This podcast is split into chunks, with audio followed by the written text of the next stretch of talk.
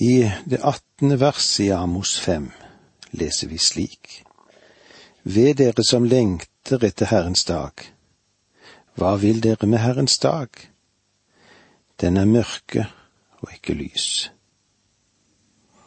Kanskje noen av oss vil tro at vi kommer inn i den store trengsel, den dagen vi kommer til himmelen. Ja, vet du hvorfor?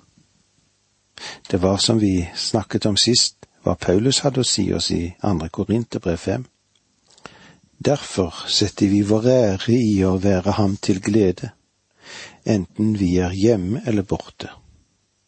For vi skal alle fram for Kristi domstol, for at hver og en skal få igjen for det han har gjort i sitt liv i legeme, enten godt eller ondt. Kristi dommersete er bema, den er ikke den store, hvite domstronen i det hele tatt. Det er til Bema at alle kristne kommer, og en skal få igjen for den har gjort i sitt liv i legeme, enten godt eller ondt. Er dette en dom som gjelder vår frelse? Nei da, nei da, sier Paulus. Det står i første Korinterbrev 3,11 det. For ingen kan legge en annen grunnvoll enn den som er lagt, det er Jesus Kristus. Mennesket kan ikke legge noen annen grunnvoll, men du kan bygge på denne grunnvollen. Du kan bygge med tre høy eller strå, eller du kan bygge med gull, sølv og kostbare stener. Men hvert menneskes gjerning, ikke deres frelse, ikke deres person, vil bli prøvd ved ild. Om et menneskes gjerning kommer gjennom ilden, da vil han få lønn. Men sett nå at ens gjerninger ikke overlever ilden, hva da? Paulus sier til oss, da skal han bli frelst, men som gjennom ild. Det er kanskje årsaken til at en del mennesker som er frelst, kommer til å lukte som om de var kjøpt på et utsalg etter en brann når de kommer til himmelen. Det meste de gjorde her på jorden, gjorde de i sitt kjød. De gjorde det av en eller annen verslig grunn, for en eller annen tilfredsstillelse. Jeg vil prøve å være åpen mot dere, og si at etter hvert som jeg nærmer meg livets solnedgang, så undrer jeg meg på hvordan jeg kommer til å få det for Kristi domstol. Kanskje det vil være noen av dere som hører på disse programmene, dere som lytter til, vil gi den beste attest av budskapet som nådde dere var godt, men det hjelper lite, for du kjenner meg ikke slik som jeg kjenner meg selv, og jeg kjenner ikke meg selv slik som Gud kjenner meg. Det liv som vi lever her nede skal bli testet, og det er fromt tøv når noen later som om de er svært så begeistret for Jesu komme, når sannheten er at når noen av oss vil bli hentet hjem til himmelen, så vil vi være smertelig klar over at vi kommer ikke unna den store trengselen helt og fullt. Rystelsen møtte oss ved Kristi domstol. Du skal legge merke til at Paulus, etter at han hadde talt om dommen ved Kristi domstol, så fortsatte han med å si, slik som det står i 2. Korinterbrev 5.11, fordi vi kjenner frykten fra Herren, prøver vi å overbevise mennesker. Om du tror at når du står for hans åsyn, at du der skal få utdelt en svær medalje, da kan du tenke deg gjennom en gang til. Det tenkes at du tar feil. Jeg tror ikke engang at det er en aktuell problemstilling. Jeg tror at det livet som du og jeg lever i vårt hjem, vårt vitnesbyrd på vår arbeidsplass, vårt vitnesbyrd i det sosiale liv, vårt forhold og holdning til det annet kjønn, det er ting som vil komme opp ved Kristi domstol. Det vil være det som blir gjort i legemet her nede, dette som vi nå er innom. Ønsker du å dra til himmelen nå? har du alt i orden. Paulus skriver videre i første Korinterbrev 11.31. For om vi dømte oss selv, da ble vi ikke dømt. Det er årsaken til at jeg beflitter meg på å leve så åpent med Herren som vel mulig, og at min bekjennelse og erkjennelse skal være reell. Jeg vil gjerne ha korte oppgjørsfrister med ham. Hvis ikke blir det sørgelig langt regnskap den dagen når den kommer. Gud slipper ringene igjennom. Tingene må fungere på rett måte i himmelen, og det er hensikten med dommen for Kristi trone. Ikke noe urent slipper inn i himmelen. Amos taler virkelig klartekst om dette til folket. Han sier, kutt ut all prat om at dere lengter etter Herrens dag. Det blir ikke en dag som flommer over over lys her. Nei, tvert imot så kommer det til å bli mørke. Dere kommer i en stor trengsel som dere er nødt til å gå igjennom om du er en troende og derfor ikke kan gå igjennom den, så vil det fremdeles være en dom for Kristi trone som du må møte. Jeg tror ikke at det blir så smertefritt som en del mennesker synes til å mene.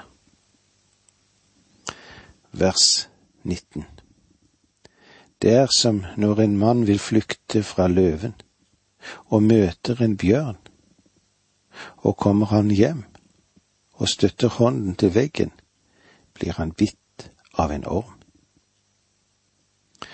Amos han er jo en av de mest dramatiske predikantene som du møter i Bibelen. Han bruker et så sterkt og billedlig rikt språk. Han bruker bilder fra jorden og trekker sine illustrasjoner ut av naturen. Her beskriver han en mann, en som var ute i skogen og plutselig så står det en løve på stien bak han. Og når han da prøver å springe fra løven, så ser han en bjørn komme mot seg. Med andre ord, om du ønsker at Herren skal komme, så skal du prøve å komme deg under vanskelighetene dine her nede. Så er det som å gå fra asken til ilden, det. Når han ser bjørn komme mot seg, tar mannen av fra stien og over åsen og skunder seg alt han kan hjem. Han støtter seg på veggen for å hvile ut og få pusten igjen. Men resultatet er at det kommer en orm ut av veggen og biter ham. Hva som ville være best eller verst, å møte en løve, en bjørn eller en slange, det kan jo være det samme. Hensikten med bildet, den er klinkende klar. Ingen slipper unna. Det er som når en mann vil flykte fra løven, og møter en bjørn, og kommer han hjem, så støtter han hånden til veggen, blir han bitt av en orm. Amos sier at vi bør være forsiktige med det liv vi lever for Gud her nede. Som troende er vår frelse ikke i fare. Kristus, han har betalt straffen for våre synder. Men om vår synd som troen ikke gjøres opp og forsones, så vil han ordne opp med oppgjøret. Det må han gjøre, for han er hellig og rettferdig. Himmelen er det sted der alle ting er rette, og derfor må vi også ha alle ting i orden om vi skal komme dit. Og dette er et forhold som ikke alle troende er klar over, eller at de legger dette på hjertet sitt. Og med disse ordene må vi si takk for nå, må Gud være med deg. Dette undervisningsprogrammet består av to deler. Åge Nevland fortsetter nå med andre del av dagens undervisning. Vi er i profeten Amos, en av småprofetene. Men når vi får det i et riktig perspektiv, så er det ingen småprofet. Vi møter en profet som er utsendt av Gud, og han vil fortelle oss òg i vår tid hva Guds ord har å si oss, og hvor viktig det er å ta til seg det Gud har å meddele oss gjennom sitt eget ord. Vi leser nå sammen fra vers 20 i kapittel 5. Ja, mørk er Herrens dag, ikke lys, stummende mørke og uten lys skjær. Herrens dag, Herrens dag, det begynner med en domsepoke som ennå venter på israelsfolket. Men innbakt i begrepet Herrens dag ligger mer enn dom. Herrens dag inkluderer også Kristi ankomme til jorden og tusenårsriket her på jord. Vi leser versene 21 til 23 i kapittel 5. Jeg hater og avskyr de fester dere feirer. De stevner dere holder byr meg imot. For om dere bærer frem brennoffer eller grødoffer, så bryr jeg meg ikke om det. Og måltidsofrene deres med gjøkalvkjøtt vil jeg ikke se. La meg slippe dine støyende sanger. Jeg vil ikke høre på ditt harpespill. Bak de mange ritualene de holdt fast ved, sto der et liv som var uhederlig. Guds folk må være klar over at deres tro må være reell. Troen, den er ingen fabel. Troen, den er en realitet. Troen må holde fast ved en person. Å tro er ikke å lure seg selv. Det finnes mennesker som sier om du tror, så er det fordi du er blind. Du har en blind tro. Spørsmålet mitt blir til deg, da. Har du en blind tro? Ja, da må du forkaste den. For Gud aksepterer ingen blind tro. Troen må ha en virkning på livet ditt. Jakob, han sier det slik, han. Tro uten gjerninger er død. Paulus sa at vi er blitt frelst for at vi skal gå inn i gode gjerninger. Alt dette er viktig. Folket i Israel, de levde sitt liv i synd. De engasjerte seg i avgudsdyrkelse, og likevel så holdt de også fast ved Moseloven sine ritualer. Gud sier her, jeg forakter det. Jeg har ikke bruk for dette. I noen av våre lovsangsalmer er vi så entusiastiske. Men eh, jeg vil gjerne understreke at folkets hjerte ikke er det. Om bare munnen og eventuelt våre armer og hender løftes aldri så høyt, eller senkes, det kan jo være det samme. Tror du virkelig at dette er behagelig for Gud? Om Herren kom på besøk der du bor, i din forsamling, i din menighet, hvordan ville hans vurdering være, tror du? La oss lese videre i versene 24 til 26. La retten velle fram som vann, og rettferd lik bekker som aldri blir tørre. Bar dere fram for meg slakteoffer og grødoffer i de 40 år i ørkenen, Israels ett, og bar dere Skakut, deres konge, og Kevan deres gudstjerne, bildene som dere har laget. Det var øyensynlig slik at israelsfolket ga sine ofre i ørkenen, men når de møtte et hedensfolk, hva skjedde da? Jo, så ønsket de også inkludere deres guder i sin tilbedelse. Tilbedelsen av Sakkut eller Molok inkluderte faktisk ofringer av spedbarn, som ble kastet inn i den rødglødende avgudens munn. Skrikene fra disse barna var fryktelig. Gud sier til oss, Du kommer til kirken på søndag og er med i gudstjenestene for å tilby meg, men under uken er det Mollok som får det meste av din tilbedelse. Du tilber begjæret og kronene og kvantitetene. Kardinal Wolsey ble fordømt av Hampton Court av Henrik den åttende som ville ha ham henrettet. Om Wolsey da ikke hadde dødd en naturlig død før henrettelsen kunne finne sted. På sitt dødsleie så sa kardinalen, om jeg bare hadde tjent min Gud som jeg hadde tjent min konge. Og kanskje mange kristne vil måtte si på sitt dødsleie. Jeg har tjent Moloch her nede. Jeg har tjent og begjæret materialismen.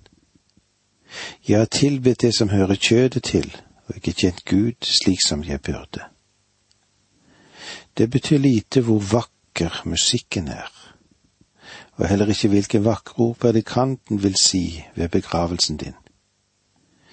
Du og jeg, vi er nødt til å møte for Kristi domstol. Og eh, jeg må være ærlig og si deg at det uroer meg en del. Hvordan vil det være å stå for Kristi domstol? Derfor ønsker jeg å leve åpent for Hans åsyn og gi ham en klar erkjennelse. Vers 27 Jeg fører dere som fange til landet bortenfor Damaskus, sier Herren. Allers Gud er hans navn. Fremfor Israel ligger der en dom og venter. De vil bli ført i fangenskap, bort fra Damaskus, det vil si bort fra Syria, og bortenfor Damaskus lå Ninive. Det Gud sier til Israel, er at det er asyrene som skal drive dem i fangenskap. Og det var så langt vi fikk med oss det som står i det femte kapitlet her hos Amos. Vi går nå inn i det sjette kapitlet, og her vil vi se at Israel oppmuntres til å vike fra sin ondskap. Amos han begynner dette kapitlet med et V. Han er ikke den profet som er nummer én når det gjelder vedrop, men dette finner du mer iblant de andre profetene og i åpenbaringsboken. Ved, det betyr også stopp, stopp opp. Det betyr at du må ta tid til å se deg om, lytte og gjøre opp. For dette er noe som er meget viktig. Ordet ved burde dra vår oppmerksomhet mot det som nå følger etter. Vi leser i det første verset her i Amos, i det sjette kapitlet. Ved dem som sitter trygge på Sion og sørgløse på Samarias fjell, de gjeveste i det fremste folket, dem som Israelsetten venner seg til. Sion var selvfølgelig i Sydriket, Juda, og eh, det betyr at begge deler av folket, Juda og Israel, tiltales her. Sion var senteret for religion. Guds tempel var lagt der og Samaria var metropolen i et kraftig kongerike. Ved dem som sitter trygge på Sion. Det betyr nok at Israel tok lett. De var ikke så veldig nøye, og de stolte på det de gjorde, at det var behagelig nok i Guds øyne. Folket tilhørte en velferdsstat og satt godt i det slik vi også har hatt i mange, mange år. Og det spørs om vi har glemt våre riktige prioriteringer. Og sorgløse på Samarias fjell. Dette var jo hovedstaden i Nordriket, det. Akab og Jesabel hadde levd der. I et vidunderlig palass med innredning av elfenben. Fjellene i Samaria ga naturlig beskyttelse slik at byen maktet å stå imot i tre år av asyrisk beleiring før den falt. Samaria var også en viktig by etter at asyrene hadde ødelagt den, og så bygget Herodes den opp igjen. Herodes hadde et veldig byggeprogram, og hans byggeprosjekter møter du over hele det daværende Palestina. Han bygget opp Cicarea helt fra grunnen, men Samaria restaurerte han delvis fordi det var en så vakker plass, det. Med all sin luksus og sine utmerkede forskansninger kjente Israel seg sikker, og den var velbeskyttet. Det var det de trodde. Og eh, så kan vi kanskje stille spørsmålet til hverandre. Hvordan er det med oss? Føler vi oss sikre? Føler vi oss velbeskyttet? Ja, dette er ting som du får tenke på til vi møtes igjen neste gang, men det var så langt vi kom i dag. Takk for nå, må Gud være med deg.